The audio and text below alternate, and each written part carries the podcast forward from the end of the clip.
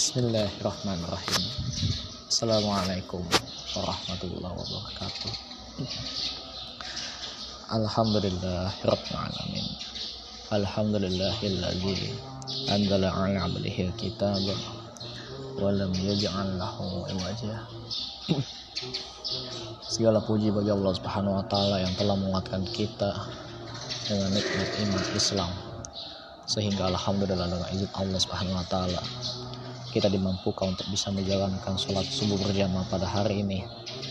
Dan Allah pertemukan kita kembali dalam taklim subuh rutin. Insya Allah semoga kita semua senantiasa istiqomah mengerjakan perintah Allah dan menjauhi larangannya. Dan semoga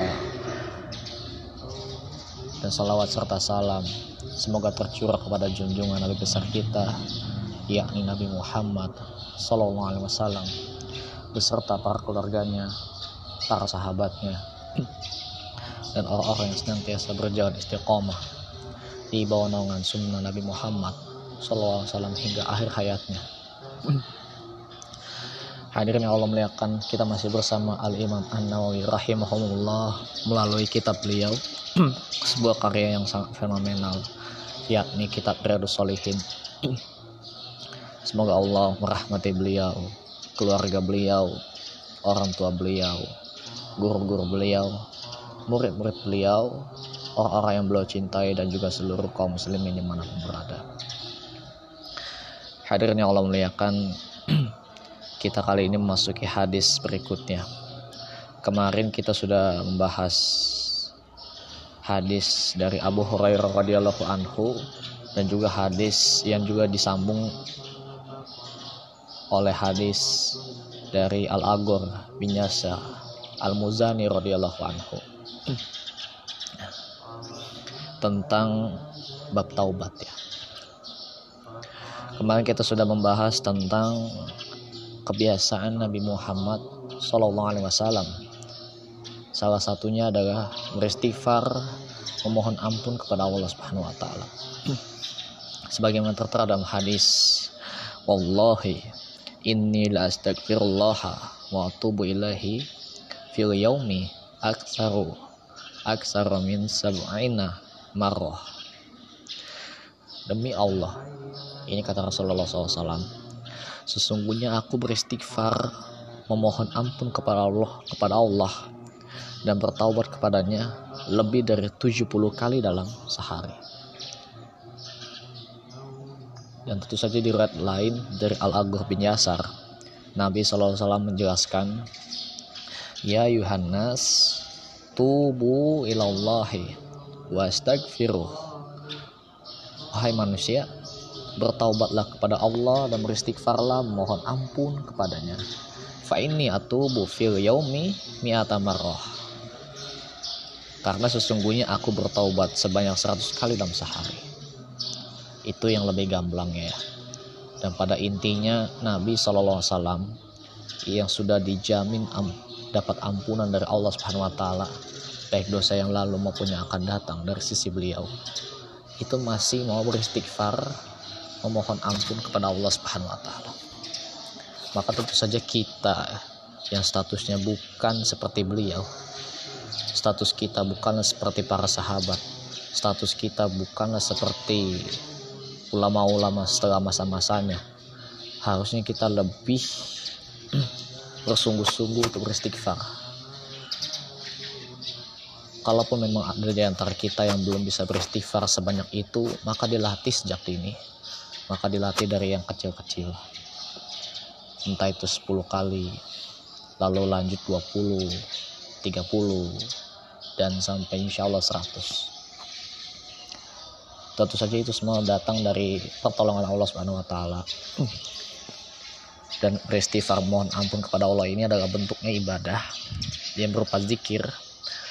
Maka hendaknya kita meminta pertolongan kepada Allah Subhanahu wa taala agar Allah berikan taufik kepada kita untuk beribadah kepada Allah dengan sungguh-sungguh. Kemarin kita sudah bahas banyak keutamaan taubat, pengertian, definisi, dan hakikat dan juga kemarin kita juga sudah bahas hadis dua hadis sekaligus ya walaupun di hadis Al-Agur ini adalah hadis yang mendukung, mensupport hadis yang kita sampaikan sebelumnya. Selanjutnya kita bahas hadis dari Abu Hamzah Anas bin Malik Al-Ansari radhiyallahu anhu. Pelayan Rasulullah sallallahu alaihi wasallam statusnya. Beliau berkata, Rasulullah sallallahu alaihi wasallam bersabda, Allahu afrahu bitaubati abdihi min ahadikum saqata ala ba'irihi wa qad adallathu fi ardi falah. Sungguh Allah lebih gembira bergembira dengan taubat seorang hambanya daripada kegembiraan seorang di antara kalian yang menemukan unta miliknya. Setelah ia kehilangan unta itu di padang pasir. Status hadisnya futa, uh, hadisnya mutafakun alaih. Berarti ini hadis diriwayatkan oleh dua kitab sahih. Insya Allah dalam materi kali ini kita masih punya sumber dari rumahishow.com tentang hadis ini. Dengan judul Allah sangat suka dengan hamba yang bertaubat. Allah Subhanahu wa taala kata Pak Ustadz Muhammad Abdul Tuasikal semoga Allah menjaganya semoga Allah memberikan kepada beliau kekuatan istiqomah untuk menyebarkan sunnah dan semoga senantiasa dilindungi oleh Allah Subhanahu wa taala dari mudarat yang dapat membahayakan agamanya. Amin ya rabbal alamin. Allah Subhanahu wa taala sangat suka pada hambanya yang bertaubat. Sampai sampai sampai Allah lebih bergembira dibanding seseorang yang kehilangan hewan tunggangannya. Kalau dalam hadis tadi adalah unta yang dihilang, unta yang hilang. Kehila, dibanding seseorang yang kehilangan untanya yang membawa bekal. Lalu hewan itu tiba-tiba datang lagi kembali. Lalu beliau membacakan hadis yang barusan kita bacakan dan juga ada dalam satu riwayat muslim disebutkan kalau tadi hadisnya itu redaksinya Sahih Bukhari ya yang kita baca lalu dalam riwayat muslim yang lebih lengkap disebutkan Allah asyaddu farhan bitaubati abdihi hina yatubu ilaihi min ahadikum kana ala rahilatihi bi ardi falah. Sungguh Allah lebih bergembira dengan taubat seorang hambanya ketika dia bertaubat kepadanya daripada kegembiraan salah seorang dari kalian yang mengendarai untanya di padang pasir salah seorang dari e, lalu untanya kabur meninggalkannya.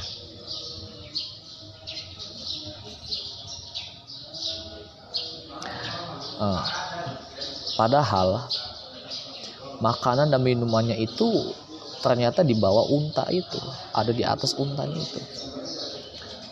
Fan falatats minhu wa alaiha ta'amuhu wa syarabuhu fa'alisa minha fa'ata syajaratan fattaja'a fi zililha fi zilliha.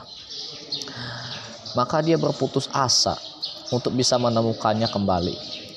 Lalu dia mendatangi sebuah pohon berbaring eh pohon berbaring. Lalu dia mendatangi sebuah pohon dan berbaring di bawah naungannya. Waqad aisa min rahilati ma huwa kadzalika iz huwa biha qaimatan indah dia sungguh telah berputus asa terhadap untanya. Nah, tak kala dia dalam keadaan seperti itu, fa'akhoza bi khoto miha thumma qala min syiddatil farah tiba-tiba dia mendapatkan untanya berdiri di hadapannya. Maka dia memegang tali kendalinya. Kemudian dia berkata karena sangat gembiranya Allahumma anta abdi wa ana rabbuk. Ya Allah engkau adalah hambaku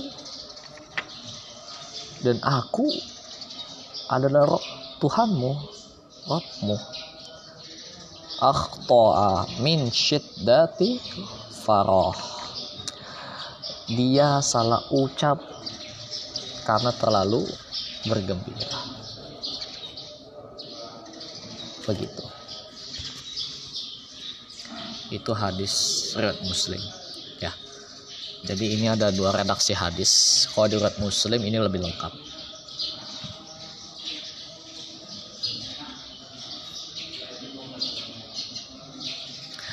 ada beberapa faedah hadis yang bisa di dibaca di sini. Faedah hadis yang baru kita sampaikan. Yaitu salah satunya adalah Allah begitu menyayangi hambanya yang bertaubat. Allah begitu menyayangi hambanya yang bertaubat. Itu faedah pertama. Di sini insya Allah ada sekitar 8 faedah yang kita akan baca secara tuntas pada hari ini. Yang kedua, hadis ini memotivasi kita untuk banyak bertaubat pada Allah Subhanahu wa taala. Lalu yang ketiga, sesuatu yang keliru yang dilakukan tidak disengaja tidaklah terkena hukuman. Seperti jika seseorang keliru mengatakan, Ya Allah, engkau adalah hambaku dan aku adalah rohmu. Ini adalah kalimat kufur, namun diucapkan dalam keadaan keliru, tidak disengaja. Jadi insya Allah di apa namanya dimaklumi gitu ya insya Allah dimaklumi Tentu kalau itu khilaf dan bukan karena kesengajaan ya tentu saja. Lalu yang keempat, hendaklah kita mencontoh Nabi Shallallahu Alaihi Wasallam yang selalu menjelaskan sesuatu dengan contoh untuk semakin memperjelas sesuatu, perumpamaan atau kita sebutnya dengan al-amsal, perumpamaan. Yang kelima, pasrah pada ketentuan Allah mendatangkan kebaikan dan keberkahan. Karena laki-laki yang dikisahkan dalam hadis di atas telah berputus asa dari hilangnya hewan tunggangannya. Dan hal ini tentu adalah ontak. Lantas Allah pun mengembalikan hewan tunggangannya tersebut. Yang keenam, bolehnya bersumpah untuk menguatkan perkataan pada suatu hal yang ada maslahatnya. Begitu. Lalu yang ketujuh, Allah memiliki sifat faroha, yaitu maksudnya bergembira, yang sesuai dengan keagungan Allah Subhanahu wa taala tentu saja. Tidak bisa disamakan dengan makhluk. Tidak mungkin. Gitu ya. Kegembiraan kita itu sifatnya relatif mungkin karena nafsu atau semacamnya.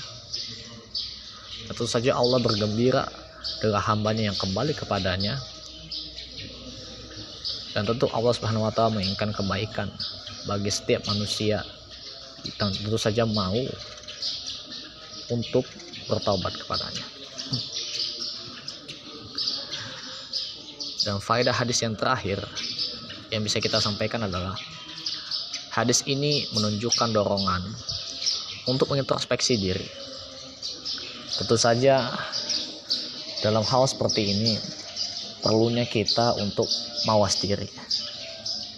Sebelum kita misalnya mengomentari orang lain, sebelum kita sibuk menyalahkan orang lain, sebelum kita mengoreksi orang lain, tentunya hal yang harus kita lakukan adalah cobalah salahkan diri kita dulu. Barangkali kita juga punya salah. Barangkali kesalahan seseorang tidak separah yang kita kira. Barangkali ternyata kesalahan dia disebabkan karena kesalahan kita. Jadi kita tidak perlu kaget dan lebih bijak dalam menyikapi suatu persoalan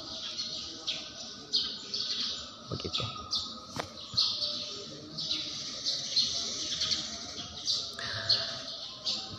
Mungkin itu saja yang bisa disampaikan. Alhamdulillah memang sangat singkat pembahasannya. Namun tentu saja kalau ini dibedah lebih dalam lagi oleh para ulama maka ini tentu jadi banyak bab banyak ilmu yang bisa disampaikan. Insya Allah sebagai preview untuk pembahasan berikutnya. Kita sampaikan hadis dari Abu Musa Abdullah bin Qais al-Ashari radhiyallahu anhu. Bahwa Nabi Nabi Muhammad sallallahu alaihi wasallam bersabda Innallaha ta'ala yabsutu yada yadahu bil laili liyatuba musi musi unnahari wa yabsutu yadahu bin nahari liyatuba musil laili hatta tatlu'a syamsu min magribiha. Sesungguhnya Allah Subhanahu wa taala membentangkan tangannya di malam hari agar pelaku dosa di siang hari bertobat dan membentangkan tangannya di siang hari agar pelaku dosa di malam hari bertobat hingga matahari terbit dari tempat terbenamnya. Hadis ini diriwayatkan oleh Sahih Muslim. Mungkin itu yang bisa disampaikan, kurang lebih yang mohon maaf. Dan sebagai penutup marilah kita tutup dengan doa kifaratul majelis subhanallah wa bihamdihi subhanakallahumma wa bihamdika asyhadu an la ilaha illa astaghfiruka wa atubu ilaik wa sallallahu alaihi Muhammad walhamdulillahi rabbil alamin wassalamualaikum warahmatullahi wabarakatuh